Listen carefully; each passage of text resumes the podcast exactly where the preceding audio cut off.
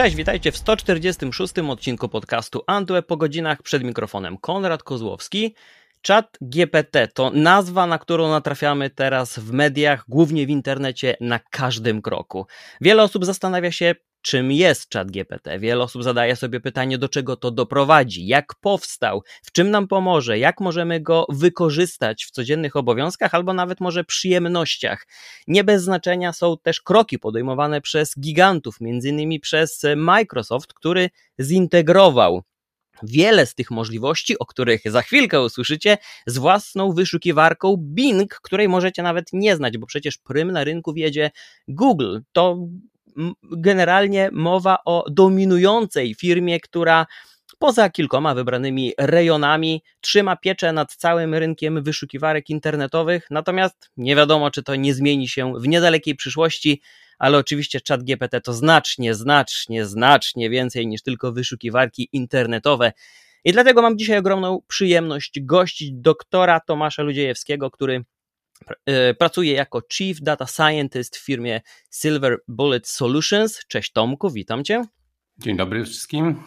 I chciałbym rozpocząć od tego, jak temat, do którego nas wprowadziłem, odnosi się do tego, czym zajmujesz się na co dzień. E, no rzeczywiście jestem w tej chwili e, szefem zespołu naukowego w firmie Silver Bullet Solutions, gdzie mniej więcej od roku prowadzimy projekt badawczo-rozwojowy związany rzeczywiście z implementacją rozwiązań opartych o mm, sztuczną inteligencję, a w szczególności nowe modele E, języka, e, modele w architekturze GPT, do tego, żeby konstruować systemy konwersacyjne, systemy dialogowe, e, które mogą być użyteczne mm, w biznesie. Super, to teraz zacznijmy od tego, czym to GPT jest tak naprawdę i dlaczego z tym przedrostkiem chat GPT, które znajduje się e, w najczęściej tak naprawdę poruszanych tematach, publikacjach. Z czym tak naprawdę mamy tutaj do czynienia? Dlaczego to jest taka rewolucja? Samo GPT pochodzi od angielskiego e, terminu e, Generative Pre-trained Transformers. Jest to pewien rodzaj głębokiej sieci neuronowej, która potrafi rozumieć język naturalny człowieka e, i e, nie tylko potrafi rozumieć, ale potrafi też w oparciu o ten model konstruować bardzo poprawne w sensie językowym i poprawne w sensie logicznym wypowiedzi.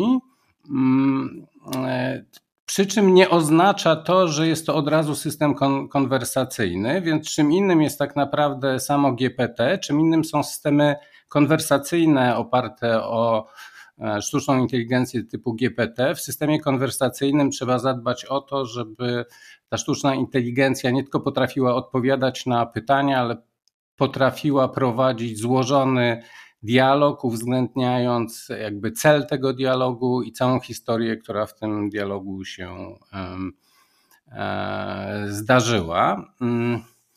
A cała ta, e, cały ten koncept wywodzi się z pewnej publikacji naukowej, która e, ukazała się no już 5 lat temu. To była publikacja dwóch instytutów badawczych powiązanych z Googlem, czyli Google Brain i Google Research, gdzie zaproponowano pewne mm, mm, absolutnie nowatorskie mm, podejście i rozwiązanie, które mówiło, że głębokie sieci neuronowe i sztuczną, sztuczną inteligencję należy uczyć w inny sposób niż się to robiło e, do tamtej pory. E, ta koncepcja polegała na tym, że sztuczną inteligencję zaproponowano uczyć w taki sposób, żeby ta sztuczna inteligencja odgadywała e, ciąg dalszy tekstu albo zasłonięty kawałek tekstu z kawałków e, prawdziwych, rzeczywistych e, tekstów e, w języku naturalnym, czyli w języku człowieka. Tak?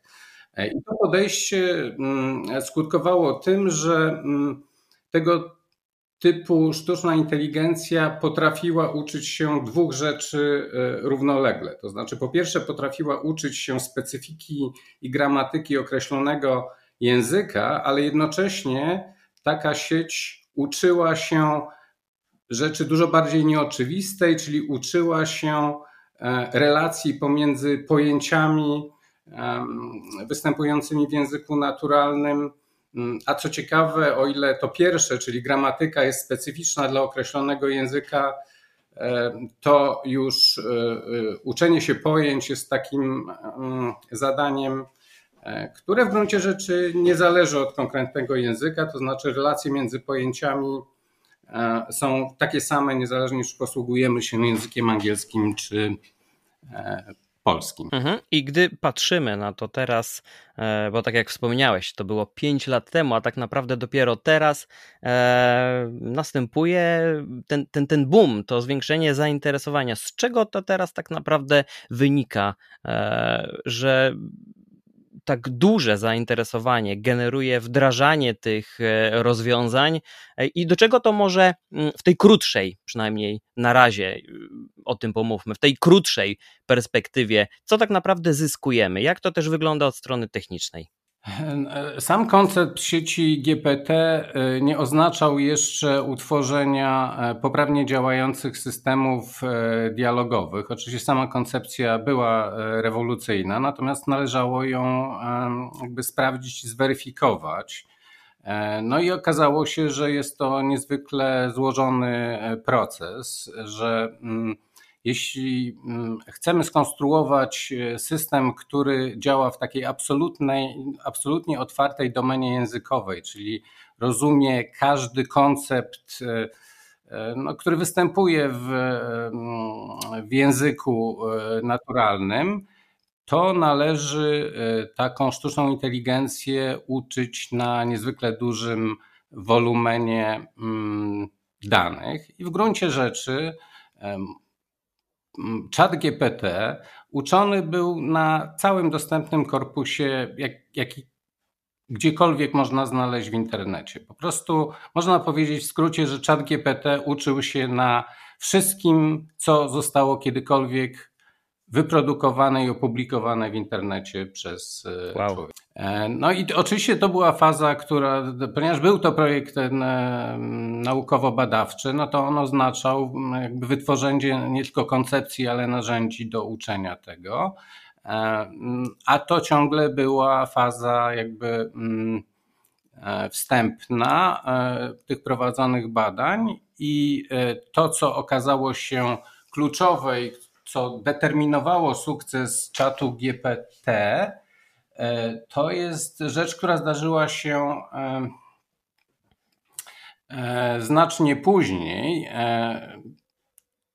To był pomysł, w którym mm, zaproponowano, żeby sztuczną inteligencję nie tylko uczyć na naturalnym tekście wytworzonym przez człowieka, ale żeby też uczyć tą sztuczną inteligencję na ocenie, e, na ocenach człowieka tego, co ta sztuczna inteligencja mm, wytwarza. I to był jakby drugi etap, e, znacznie pod, poprawiający jakość działania takich systemów dialogowych. To jest właśnie wdrożenie mechanizmu, w którym ta sztuczna inteligencja nie tylko uczy się na tekstach e, mm, wyprodukowanych przez człowieka, ale uczy się uwzględniając ocenę tego, co ta sieć produkuje, ocenę przez człowieka.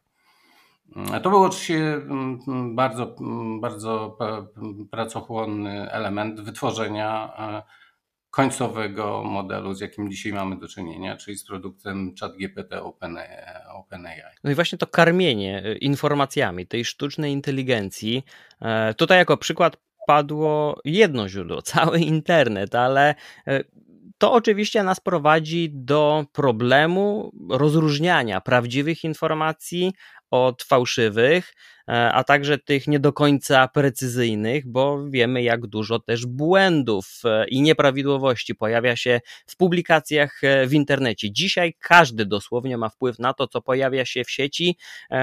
Co prawda, chociażby nad Wikipedią trzymają pieczę poszczególne zespoły, redaktorzy e, i pilnują tego, by, by, by ta jedna z najczęściej wykorzystywanych tak naprawdę stron internetowych, takich informacyjnych, e, encyklopedycznych, e, by była ona zgodna z rzeczywistością, ale oczywiście są momenty, kiedy pojawiają się tam fałszywe informacje. I jak w takich sytuacjach zachowuje się GPT? Jak w jaki sposób może poradzić sobie e, z tymi odchyłami od rzeczywistości, z fałszywymi informacjami, e, bo tak naprawdę wiemy, że gdy później będziemy jako zwykły nawet użytkownik e, ChatGPT, jakiejś wyszukiwarki, gdy będziemy potrzebować prawdziwych informacji, może się okazać, że pośród tego tysiąca, dziesięciu tysięcy czy milionów zagadnień i zapytań pojawi się to niewłaściwe. W jaki sposób chronić GPT przed takimi e, problemami? No tak, to, to jest rzeczywiście ciekawe pytanie. Tak naprawdę mamy do czynienia z dwoma różnymi e, problemami tutaj. To znaczy, po pierwsze, no, ponieważ e, Chat GPT jest uczony na całym dostępnym wolumenie danych w internecie, no to wiemy, że, mm, że niekoniecznie jest uczony na danych, które są e, danymi prawdziwymi. E, natomiast trzeba pamiętać o tym, że e, jest to pewien model, pewna sztuczna inteligencja, która e, jest modelem statystycznym.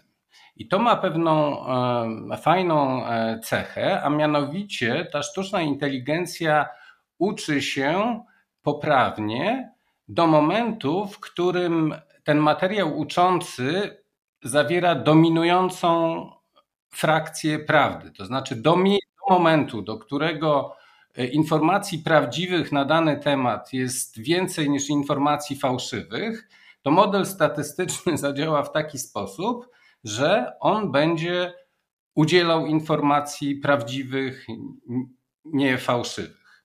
Oczywiście tego typu zjawisko można wzmocnić przez e, ten element, o którym mówiłem, powiedziałem wcześniej, czyli poprzez uczenie z informacją zwrotną człowieka. E, czyli nie tylko ta sieć sama z siebie będzie promowała mm, e, odpowiedzi, które są prawdziwe, dlatego że w internecie na dany temat jest więcej informacji prawdziwych niż fałszywych, ale dodatkowo można tą sieć uczyć tego, poprzez wsparcie, poprzez informację zwrotną od człowieka, żeby ona we właściwy sposób e, e, formułowała odpowiedzi. To znaczy, możemy ją próbować uczyć mówienia e, prawdy. Co więcej, w ten sposób, i to jest moim zdaniem kolejna dość istotna cecha tego typu modeli, możemy tą sieć też nauczyć tego, żeby ona się przyznawała do tego, że ona czegoś nie wie tak? Mhm, Czyli mhm, mhm. żeby nie mówiła nieprawdy, tylko żeby mówiła, że ona tej prawdy nie zna, na przykład dlatego, że mm, w materiale uczącym, czyli tym, na, na czym ta sztuczna inteligencja się uczyła, takiej informacji po prostu nie ma. I z tym jest związany dodatkowy, dość ciekawe, ciekawe zagadnienie, mianowicie mm, efekt e, związany z udzielaniem nieprawidłowych informacji przez e, e, sztuczną inteligencję opartą o GPT, czyli tak zwany efekt halucynowania sieci neuronowych. Otóż okazuje się, że w sytuacji, w której sieć ma odpowiedzieć na pytanie, e, które, które nie istnieje w, w materiale, na którym ta sieć się uczyła, występuje mm, takie nieoczywiste zjawisko próby odpowiedzenia na pytanie poprzez budowanie e, mm, odpowiedzi na takich bardzo słabych sygnałach e, statystycznych. Innymi słowy, ta sieć próbuje skonstruować odpowiedź niekoniecznie posługując się właściwymi asocjacjami czy relacjami, E, z języka, no, z, którego się nauczyła. I to prowadzi do zjawisk właśnie takich halucynowania sieci, czyli nie odpowiadania właściwie na pytanie, a odpowiadania trochę na, na przykład na inne e, pytanie. I kolejnym takim ciekawym e, zjawiskiem, w tej chwili dość dużym problemem związanym GPT, czy w szczególności z chat GPT, jest to, że ponieważ ten e, model e, jest modelem o charakterze statystycznym, to on co prawda bardzo dobrze uczy się języka, mm, dowolnego e, języka, a nawet ma cechę uczenia się wielu języków naraz, to ma dużo większy kłopot z uczeniem się mm, reguł logicznych czy reguł matematycznych. W związku z tym Chat GPT ma dzisiaj pewien kłopot z wykonywaniem, wydawało się, dość prostych operacji odpowiadania na pytania związane z próbą policzenia czegoś, czy wykonania e, operacji matematycznej, czy wykonania jakiegoś trochę bardziej złożonego zadania logicznego. Dlatego, że mm, ten model uczy się statystyki, a nie uczy się reguł logicznych. No to jest pewne otwarte issue w tej chwili związane z tego typu podejściami jak e, GPT. Czy za, za, dużo pytań mi się pojawiło od razu w głowie, nie wiem od którego zacząć, więc chyba zacznę od tego najprostszego, bo tutaj od razu przychodzi mi do głowy mm, kwestia właśnie samego języka, bo wiemy jak dużą dzisiaj rolę odgrywają chociażby translatory, tłumacze online. Czy, czy czat GPT może w przyszłości albo już ma e, szansę, potencjał wpłynąć na to, jak działają tego typu narzędzia? Skończymy wreszcie z tymi przeinaczeniami i z niedokładnym pokryciem się oryginalnego tekstu z tym przetłumaczonym? Wydaje się, że ten mm, etap mm, de facto mamy już za sobą. To znaczy, mm, jeśli tylko dysponujemy odpowiednimi mocami obliczeniowymi, e, to w oparciu o jakby dzisiaj istniejącą technologię i odpowiednio duży materiał e, uczący, jesteśmy w stanie skonstruować e, translatory językowe, które w zasadzie są absolutnie nieomylne. Tutaj kłopot tylko polega na tym, na przykład kłopot z Google e, Translatorem, że są to ciągle mechanizmy, które wymagają dość dużych mocy obliczeniowych, Dlatego nie są one mm, stosowane, jakby mm, te, te, te, jakby najmocniejsze mechanizmy nie są stosowane w tej chwili jakby w otwartej e, domenie. W szczególności Google Translator ich e, nie używa, ale to nie znaczy, że one nie istnieją. E, I, I tego typu nawet złożone zadania translacyjne są właśnie realizowane w oparciu o ten koncept, o którym wspominałem na początku, czyli publikacji, która sprzed pięciu lat, która powiedziała, która zdefiniowała, w jaki sposób należy uczyć e, języka i rozumienia języka sieci neuronowej. I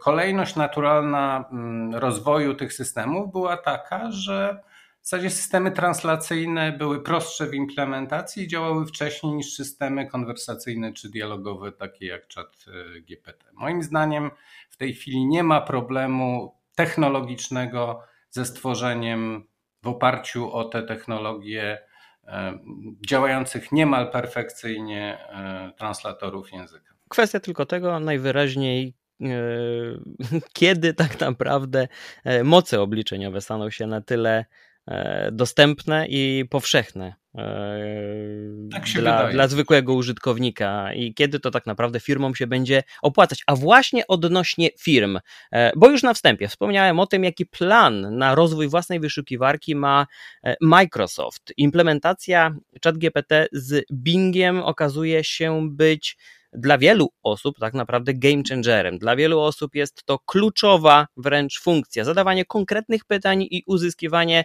w miarę konkretnych odpowiedzi. Oczywiście tam, gdzie mamy do czynienia z suchymi faktami, prawdopodobnie uzyskamy bardzo konkretną mm, odpowiedź. Gdy nieco będzie brakowało tych informacji albo będą niedokładne, to tak jak wspomniałeś, gdzieś ten margines błędu się pozostawia. Te widełki są dosyć obszerne. Jako przykład chociażby podano możliwość e, zmieszczenia zapakowanej szafki z Ikei do konkretnego, e, do bagażnika konkretnego auta. I tutaj nie mieliśmy jednoznacznej odpowiedzi, padła tak naprawdę sugestia, powinna się zmieścić.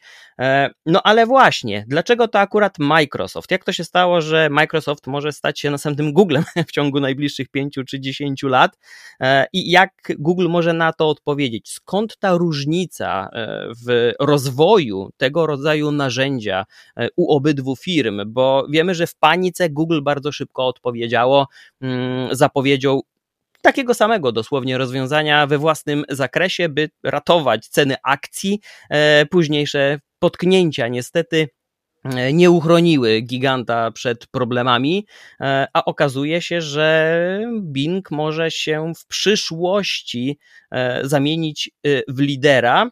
I tutaj a już od razu poruszę też dodatkową tą kwestię, żeby dać pełną swobodę wypowiedzi, bo z perspektywy zwykłego użytkownika E, Bing w Polsce jest tak naprawdę na tę chwilę niemalże nieużywalny ze względu na to, jak e, analizowane, mm, parsowane i kolekcjonowane były dane e, odnośnie stron internetowych w polskim języku. Czy w w przyszłości może to ulec zmianie, jeśli chodzi o e, rozwiązania wykorzystujące e, GPT? Czy w takim razie te standardowe algorytmy hmm, stracą na, na, na znaczeniu? E, no, rzeczywiście istnieją globalne statystyki, które mówią, że Bing do bardzo niedawna był używany przez 3% użytkowników jakichkolwiek e, wyszukiwarek internetowych, czyli stanowił prawdziwy e, no, margines. No, to wszyscy wiemy, że od w zasadzie 20 lat e, Google był hegemonem na rynku wyszukiwarek internetowych. Należy też pamiętać, że chat, chat GPT wcale nie został wytworzony przez firmę Microsoft, tylko został wytworzony przez niezależne laboratorium naukowo-badawcze. Mm, no i wydaje się, że to była tylko kwestia wyboru właściwego timingu. Wydaje się, że Microsoft nieco szybciej zorientował się, jaki prawdziwy potencjał kryje się w, w tych nowych architekturach sztucznej inteligencji e, istniejącej w rozwiązaniach e, mm, e, takich konwersacyjnych i dialogowych i w takich repozytoriach wiedzy. Mm, ciekawe jest to, że pierwotnie produkt, który został wytworzony przez OpenAI, czyli ChatGPT, to jest duży system, ale jest to system, który jest siecią neuronową o takim charakterze zamkniętym. To znaczy, tam jest zgromadzona pewna wiedza, ale system na tym oparty nie oddziaływuje ze, ze światem zewnętrznym. To znaczy, w gruncie rzeczy, czat GPT y, nie jest y, mm, w pełni tego znaczenia wyszukiwarką, w szczególności nie jest wyszukiwarką internetową, dlatego że on nie komunikuje się ze światem zewnętrznym. I Koncept Microsoftu, tak jak on dzisiaj jest e, definiowany, polega na tym, żeby mm, zrobić e, rozwiązanie hybrydowe, czyli połączyć koncept e, takiej gigantycznej bazy informacji, bazy wiedzy ze zdolnością do konstruowania bardzo poprawnych językowo i prawdziwych e, wypowiedzi, połączyć to z funkcjami mm, wyszukiwania, czyli funkcjami, które pozwalają uzupełniać tą wiedzę, która jest zgromadzona w tym gigantycznym modelu języka, ze stanem bieżącym, stanem faktycznym, e, czyli z wiedzą dostępną w internecie. E, I e, wyszukiwarka, w gruncie rzeczy chat GPT, no, który jest e, zaimplementowany i będzie zaimplementowany w Bingu i,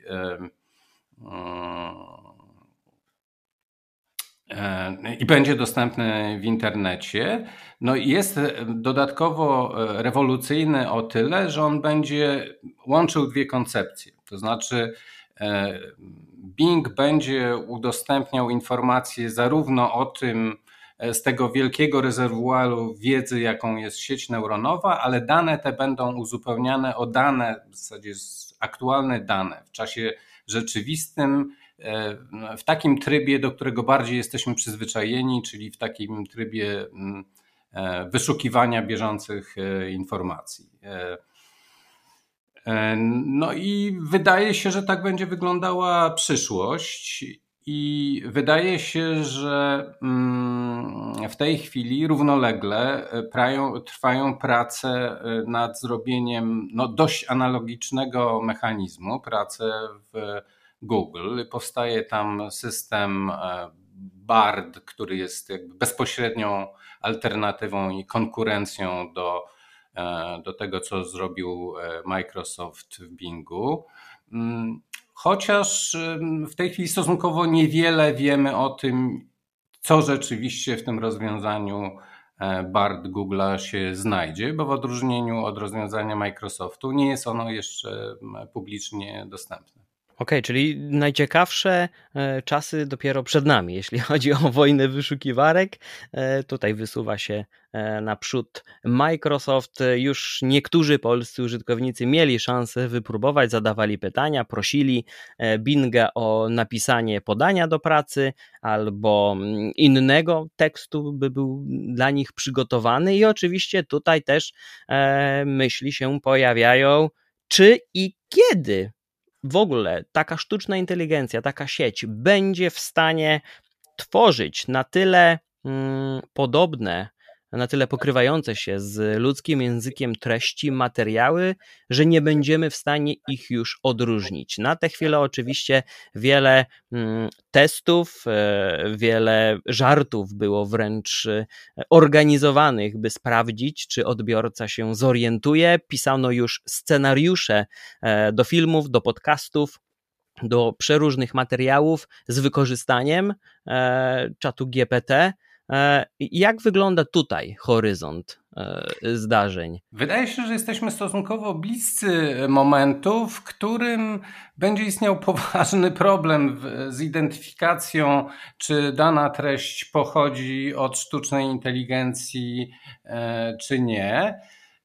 Istnieje wręcz zjawisko, które mm, ja bym zdefiniował w drugą stronę, to znaczy Często można odróżnić treść wytworzoną przez człowieka od treści wytworzonej przez e, narzędzia typu ChatGPT e, w ten sposób, że treść wytworzona przez sztuczną inteligencję jest e, może trochę mechaniczna czasami, ale przede wszystkim dominującym efektem jest to, że ona jest bardziej poprawna niż treść tworzona przez e, człowieka. To znaczy, ta sztuczna inteligencja znowu przez to, że ona mm, nauczyła się poprawnie e, na zasadzie statystycznej gramatyki języka polskiego i nauczyła się, jak konstruować wyrazy i zdania.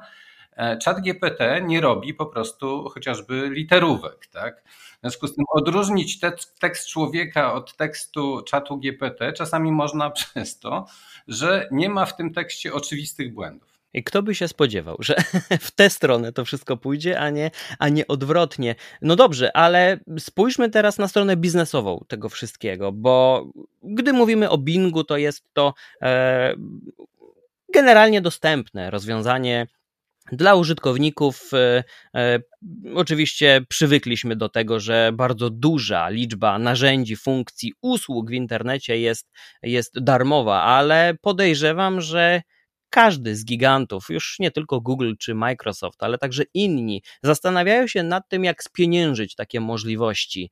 E, czy to znaczy, że niedługo e, prace magisterskie będziemy zamawiać u jednej z tych firm mm, na zlecenie i będziemy w czacie tak naprawdę wprowadzać e, swoje sugestie i prośby, by, by nasza praca została napisana? Czy to też nie doprowadzi do przewrotu, kiedy umiejętności rozmowy z e, tego typu sztuczną inteligencją będą bardziej pożądane i użyteczne, aniżeli posiadana wiedza albo faktyczne umiejętności. Wiem, że już tutaj wkraczamy w te rejony czysto teoretyczne, hipotetyczne i fantazjujemy, ale no, trudno przy takim zagadnieniu ominąć tak naprawdę ten aspekt. Ja nie mam wątpliwości, że tego typu usługi zostaną e, skomercjalizowane. E, w tej chwili ma, mamy dostępny chat GPT w postaci prototypu, no ale trwa równolegle komercjalizacja tego typu usług i wkrótce one będą dostępne w bardzo dobrej jakości no, na zasadzie subskrypcji pewnych e, e, mm, usług. I rzeczywiście no, to otworzy drogę do szerokiego wykorzystania w tak naprawdę bardzo dużej ilości dziedzin życia, e, wykorzystania tego typu mechanizmów do szybkiego kreowania treści, które mają dużą wartość, treści, które mm, są jakby właściwą syntezą rzeczywistości fak i, i faktów i, i, moim zdaniem no, to jest jednak bardzo duży przełom i że będziemy w najbliższym czasie mm, świadkami mm, no, coraz szerszego wykorzystania. Przyzwyczaimy się do tego, że treści są konstruowane e, przez sztuczną inteligencję i że one mają wartość co najmniej taką jak treści e, czy publikacje wytwarzane przez e, człowieka.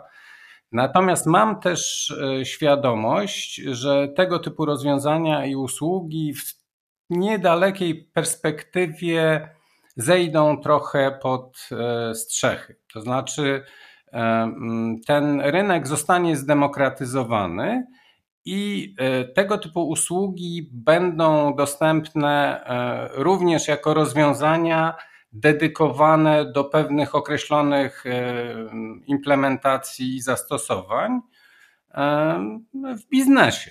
E, w szczególności wydaje się, że mm, firmy o odpowiednio dużych zasobach informacyjnych, zasobach tekstowych albo zasobach związanych z dialogami, prowadzeniem rozmów, w niedalekiej przyszłości będzie stać na zbudowanie sobie e, własnych rozwiązań opartych o te technologie, które mm, no, będą wykorzystywały tą technologię, ale będą zawierały też w sobie zamkniętą wiedzę dotyczącą procesów biznesowych, które te firmy mm, realizują. E, I w gruncie rzeczy w naszej firmie mm, e, właśnie staramy się taką, taką koncepcję E, zrealizować. To znaczy, tworzymy e, w ramach projektu naukowo-badawczego, finansowanego po części z funduszy europejskich, tworzymy system e, konwersacyjny, system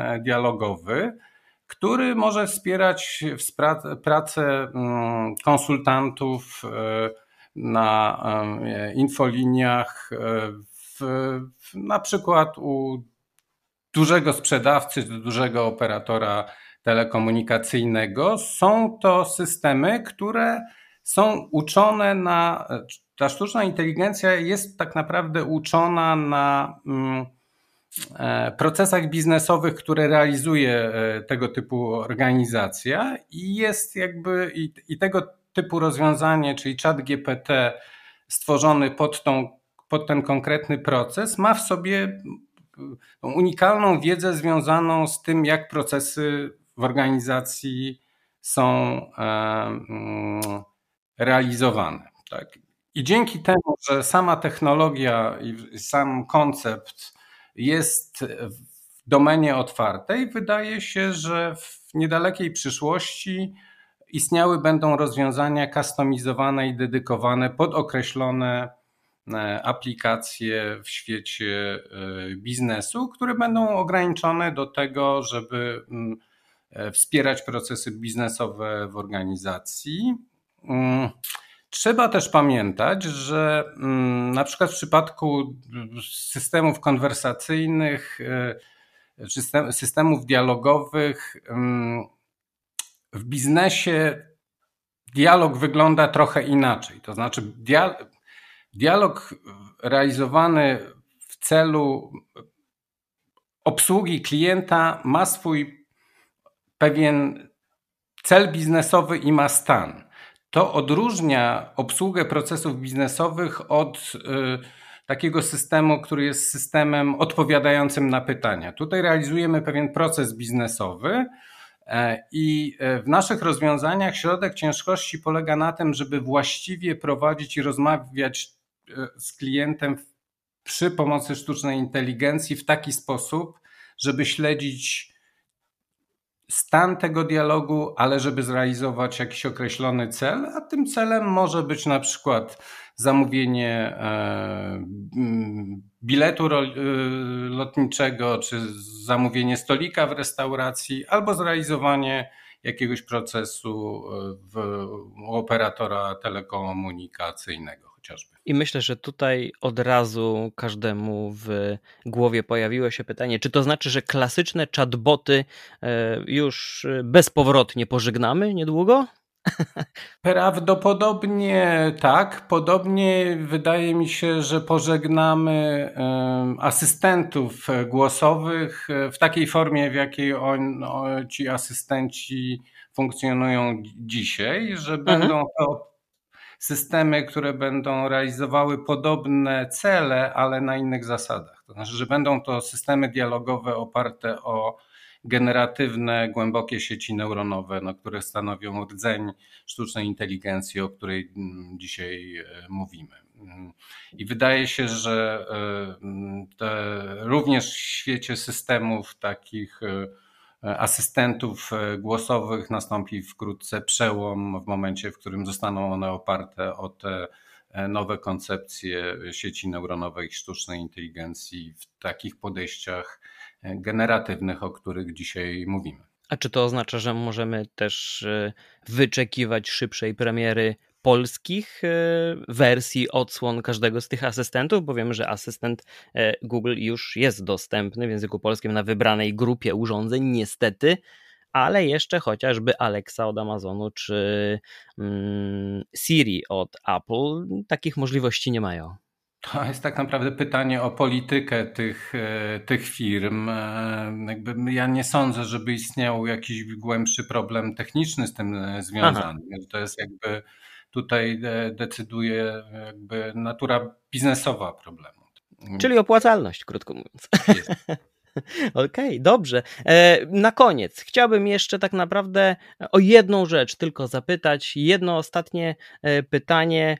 Mm, czy istnieje jakaś jedna konkretna dziedzina, e, która może zyskać e, na, na, na, na tych możliwościach, które omówiliśmy e, w przeciągu mm, tego odcinka? Czy, czy, czy, czy, czy jest w ogóle szansa wyszczególnić E, konkretną dziedzinę, kategorię życia, która już za chwilkę ulegnie zmianie, czy raczej tutaj mówimy o naprawdę szerokim spektrum e, możliwości i tak naprawdę to od tych użytkowników końcowych i ich pomysłowości będzie zależeć, jak to się, tak wszystko, jak to się wszystko tak naprawdę potoczy. No wydaje się, że przełomowość tego e, rozwiązania polega na tym, że ono jest takie cross-dziedzinowe. E, e, wielką wartością tych rozwiązań jest to, że one mm, są w stanie obsłużyć jakby wiele aspektów wiedzy człowieka. To nie jest tak, że można to zastosować w określonej dziedzinie, a w innej e, nie. Mm, mm, no, można próbować na przykład używać tego typu rozwiązań albo do mm, analizy i odpowiadania na bardzo złożone pytania w bardzo zamkniętych obszarach i dziedzinach nauki, takich jak medycyna, mm, e, czy w zasadzie dowolna inna nauka ścisła, a niekoniecznie ścisła, bo prawdopodobnie równie dobrze można stosować to w sztuce, nie mówiąc już e, o prawie. Co więcej, e, no, tego typu rozwiązania, czyli systemy generatywne oparte o GPT, całkiem nieźle sobie radzą e, również z generowaniem kodu źródłowego oprogramowania. No, trzeba pamiętać o tym, że program komputerowy jest tak naprawdę też dokumentem, jest tekstem. W związku z tym tego typu sieć można nauczyć pisać oprogramowanie. I to jest jakby też rzecz, co do której do niedawna w zasadzie można było to traktować jako science fiction, a dzisiaj e, można chat GPT poprosić o wy, wy, wyprodukowanie snippetu kodu e, źródłowego jakiejś aplikacji, która realizuje jakąś funkcję i w zasadzie ten chat GPT jest w stanie sobie z pewną klasą tego typu problemów e, poradzić. Więc E, powtarzam, w, w, w, mojej opinii to jest tak, że mm, tego typu rozwiązania dotkną w zasadzie niemal wszystkich dziedzin e, życia. Muszę powiedzieć, że po tej rozmowie z jeszcze większym zainteresowaniem będę się przyglądał temu wszystkiemu, co dzieje się wokół e, tej technologii, i, ale też gdzieś z tyłu głowy e, coraz większe obawy pojawiają się e, odnośnie tego, w jakim celu może być to wykorzystane i jak bardzo rozleniwi nas wszystkich. Być może zaczniemy robić niedługo zupełnie inne, nowe, ciekawsze rzeczy, aniżeli do tej pory jako cywilizacja, ludzkość, ale to to jest temat prawdopodobnie na jeszcze jedną rozmowę, a za dzisiejszą obecność w podcaście, za te wszystkie mm, y, spostrzeżenia, komentarze i, i, informacje, Tomku, serdecznie Ci dziękuję. Ja również dziękuję Ci za rozmowę. I polecamy się na przyszłość. Do usłyszenia, trzymajcie się. Niedługo nowy odcinek. Na razie, hej.